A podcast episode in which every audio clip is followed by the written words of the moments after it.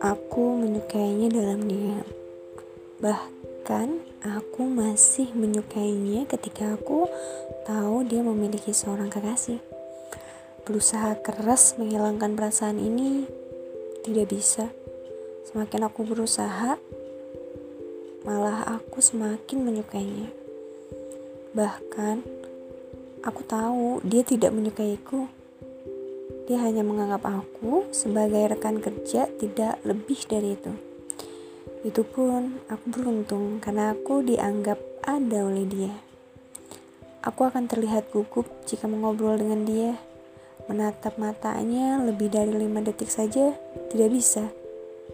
Ini yang namanya cinta mungkin ya. Tapi sayangnya cintanya sendirian. Ya, tidak terbalas. Tidak apa. Cinta yang aku punya memang tulus dan tidak mengharapkan balasan yang sama. Dia punya pilihannya sendiri, dan mungkin aku tidak ada di dalam pilihannya.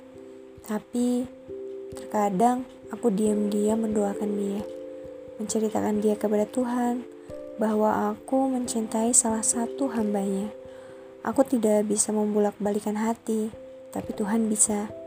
Jadi, aku pasrahkan semua padanya. Tuhan tahu mana yang lebih baik. Jika Tuhan perkenankan itu baik bagiku, mungkin Dia akan mendekat. Jika tidak, berarti Dia ataupun aku bukan yang terbaik. Sedih? Iya.